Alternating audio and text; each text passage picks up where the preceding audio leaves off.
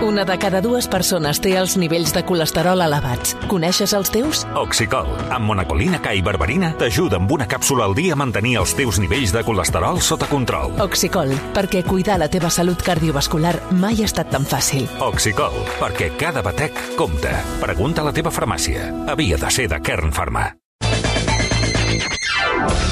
Cellers Maset t'ofereix la tertúlia esportiva. Hola, Miquel Rico, bon dia. Bon dia, bona hora, Jordi. Hola, Santi Segurola, bon dia. Bon dia. Hola, Joan, uh, Joan Maria Pou, què tal, Pou? Bon dia. Hola, bon dia, Jordi. Bon dia tinguin tots plegats. Escolta'm, una notícia que ha sortit aquest matí, que és que, segons el diari Marca, Mbappé ja hauria firmat per les pròximes cinc temporades amb el Real Madrid. Jo les xifres no me les crec, perquè diu que cobrarà 15 milions el primer any per acabar recobrant 20 més bonus. Pff, el dubte és quins són aquests bonus. Pues, clar, si és gol, cada, cada mm, pilota que va, que, que va al pal un millor i cada gol que faci cinc, ja em diràs.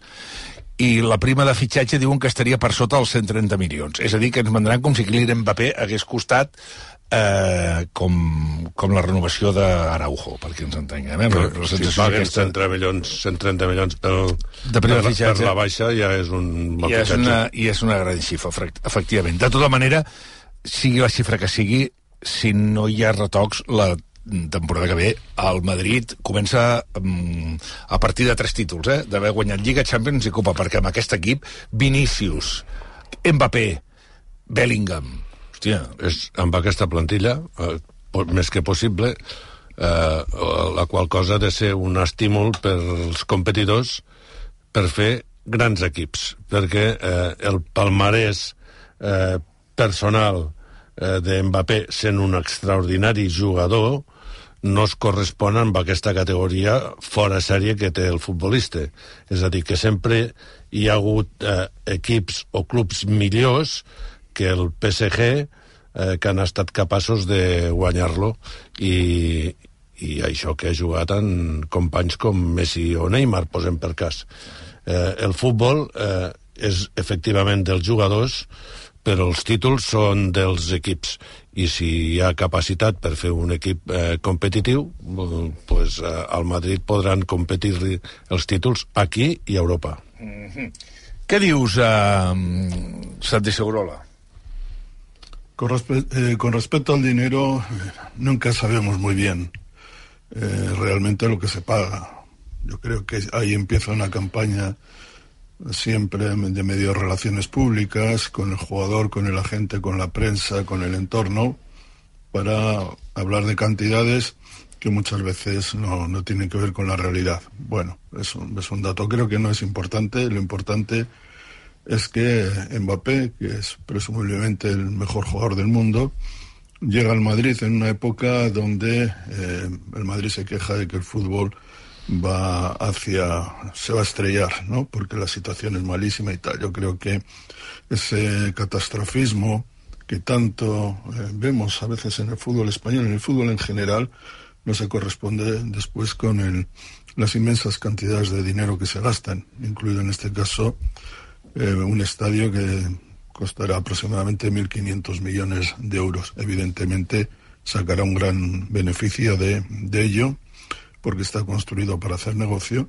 pero digamos que para esa mirada apocalíptica del fútbol ya desde hace años, al final vemos que se construyen estadios que cuestan un dineral, se compran jugadores que cuestan un dineral enorme, que la inflación sube, que los inversores americanos siguen eh, comprando o, o satisfaciendo eh, la, la, ambición de, de, los clubes. Y por tanto estamos en eh, estamos en un modelo donde entre lo que se dice y lo que realmente pasa hay una diferencia muy grande. En cuanto a la aportación de, de Mbappé al Madrid pues es un, una contribución extraordinaria vamos a decirlo así no eh, es, es, un equipo que está francamente bien. Me recuerda al de los Galácticos de hace 20 20 24 años uh -huh. pero eh, aquellos eran galácticos que estaban acreditados eh, en sus equipos, en algunos casos eran veteranos, habían ganado balones de oro, y aquí este es un, equipo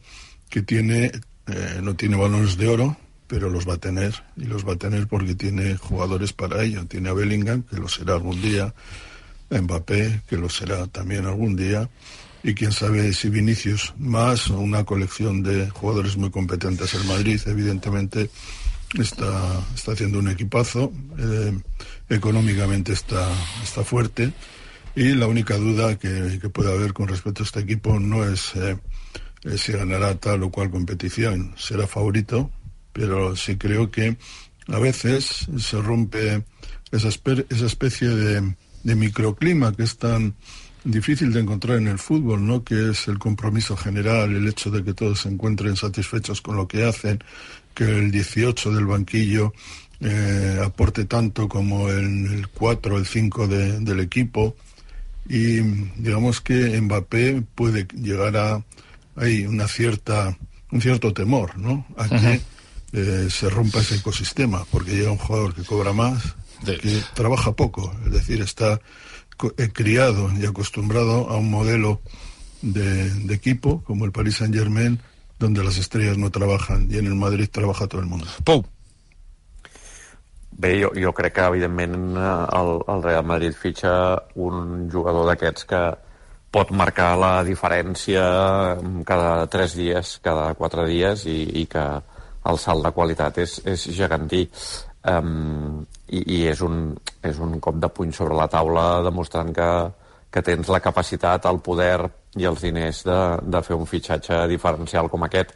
Uh, un cop dit això, hem de veure també com queda la plantilla de cara a la temporada que ve, si realment tots aquests jugadors que dieu continuaran. Ah, aquesta és una bona pregunta, dir, tinc dubtes, jo també sí. Mbappé, Vinícius, Rodrigo, sí, eh, Bellingham, ah. eh, Brahim... Eh, bé, no sé, suposo que amb algun d'aquests jugadors potser s'haurà de fer s'haurà de fer caixa o potser fins i tot algun d'aquests jugadors diu escolta, mm, jo ara pinta que tindré un paper menys eh, protagonista eh, a veure què passa. Eh, és veritat que el, el Madrid té un entrenador Carlo Ancelotti, que a mi una de les coses que m'agrada més d'Ancelotti és aquesta sensació que permanent de desdramatització que, que transmet. No? En aquest sentit, em, em recorda molt a Vicente del Bosque, que és això, no? Si pot haver-hi molts egos, eh, moltes estrelles, segur que hi haurà sidrals i incendis al vestidor alguna vegada, però em sembla que és un entrenador que és capaç de relativitzar aquest tipus de situacions i de portar aquest tipus de vestidors. Ara, afortunadament, eh, això del futbol, per molt que tinguis eh, Mbappé afegit a un equip que ho està fent francament bé, no et garanteix eh, guanyar-ho tot, però és veritat que ara mateix la distància de talent i de qualitat entre el Madrid i la resta d'equips de la Lliga Espanyola s'eixamplarà d'una manera eh, claríssima. I després una altra cosa, no?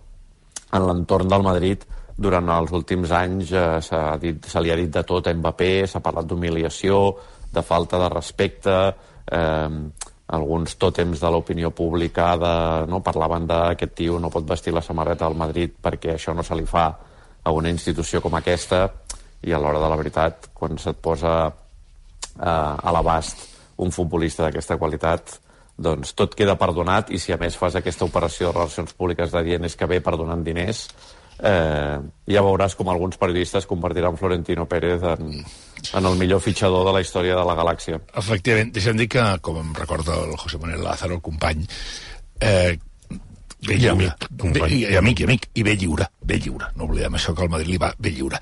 Una, anem a un altre tema, que és... Deixeu-me parlar en clau futur i no en clau, en clau passat, tot i que una cosa porta l'altra. Dimecres ve un partit amb una transcendència descomunal per tothom per tothom.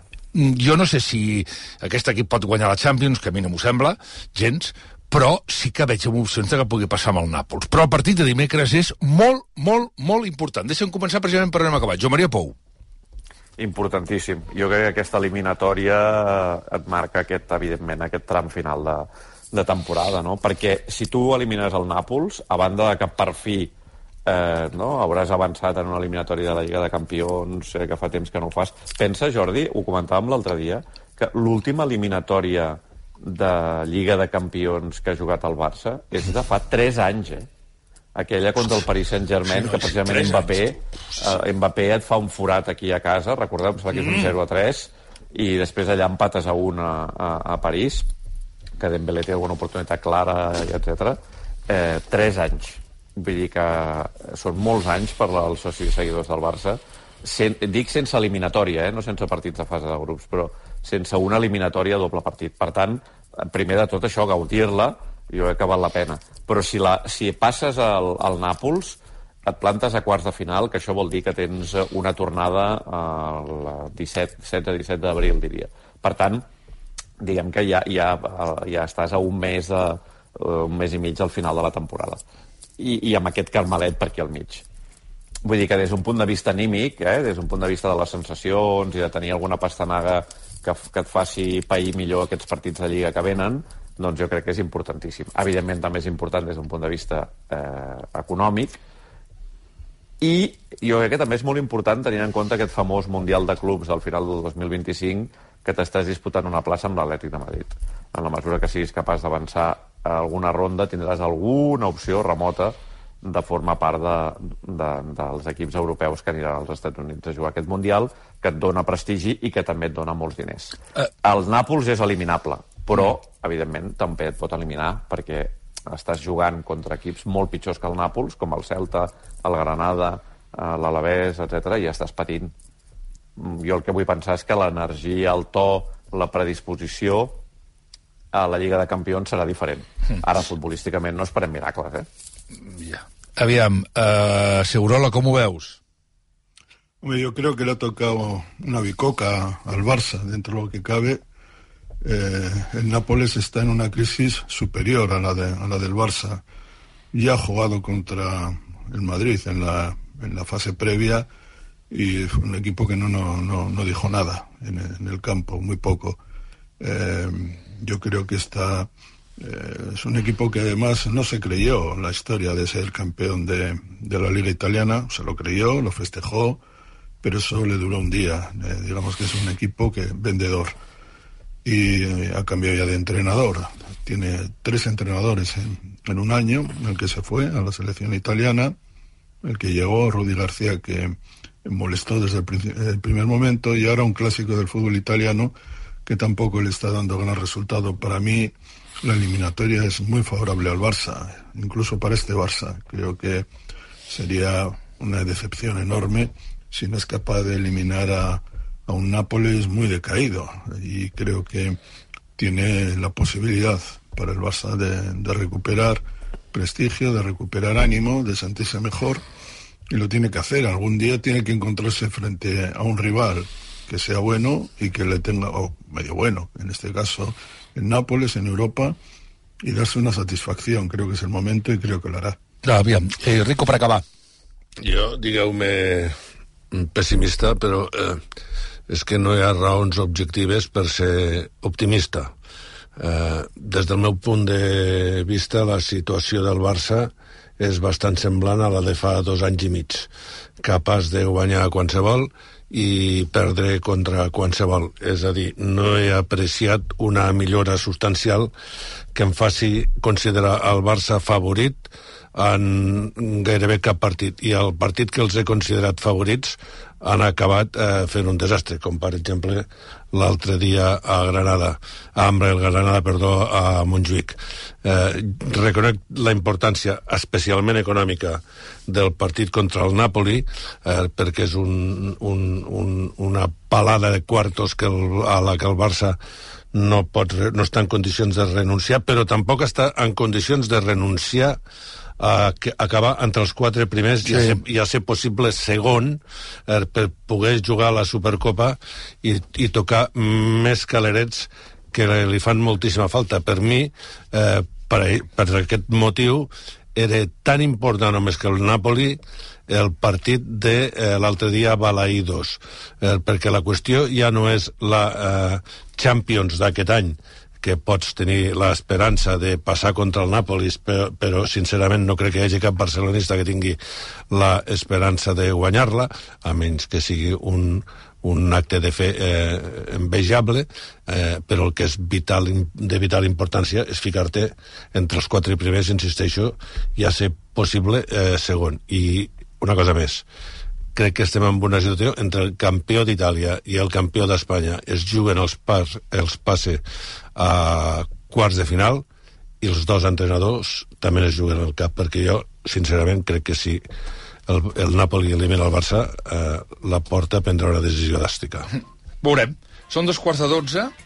Avui recordeu Girona Atlètic de Bilbao, de Bon Lliga, partit, a bon les, partit. molt bon partit, a les 9 de la nit eh, per gol, i evidentment aquí en directe a rac i dimecres la festa major pels que ens agrada, per, per allà posarem el peu a terra i direm, mira, que bé, aquesta nit tenim el pou a casa. Per tant, el dimecres, a partir de les 8, a les 9 el partit, Nàpols-Barça, les 8 aquí a rac Nàpols-Barça, eh, un partidàs d'aquells monumental, però monumental vol dir monumental. En parlarem dijous. Joan Maria Pou, moltes gràcies i bon viatge cap a Nàpols. Que vagi Gràcies, bé. bon dia. Gràcies, Santi Segura, fins dijous. Que vagi bé, Miguel Rico, Rico, Rico, que vagi bé. D'aquí uns moments, a dos quarts de dotze del matí, parlem amb un dels grans de la tele. Avui, que és la final d'Operació Triunfo, Tinet Rovira, el director de Jazz Music, al món a rac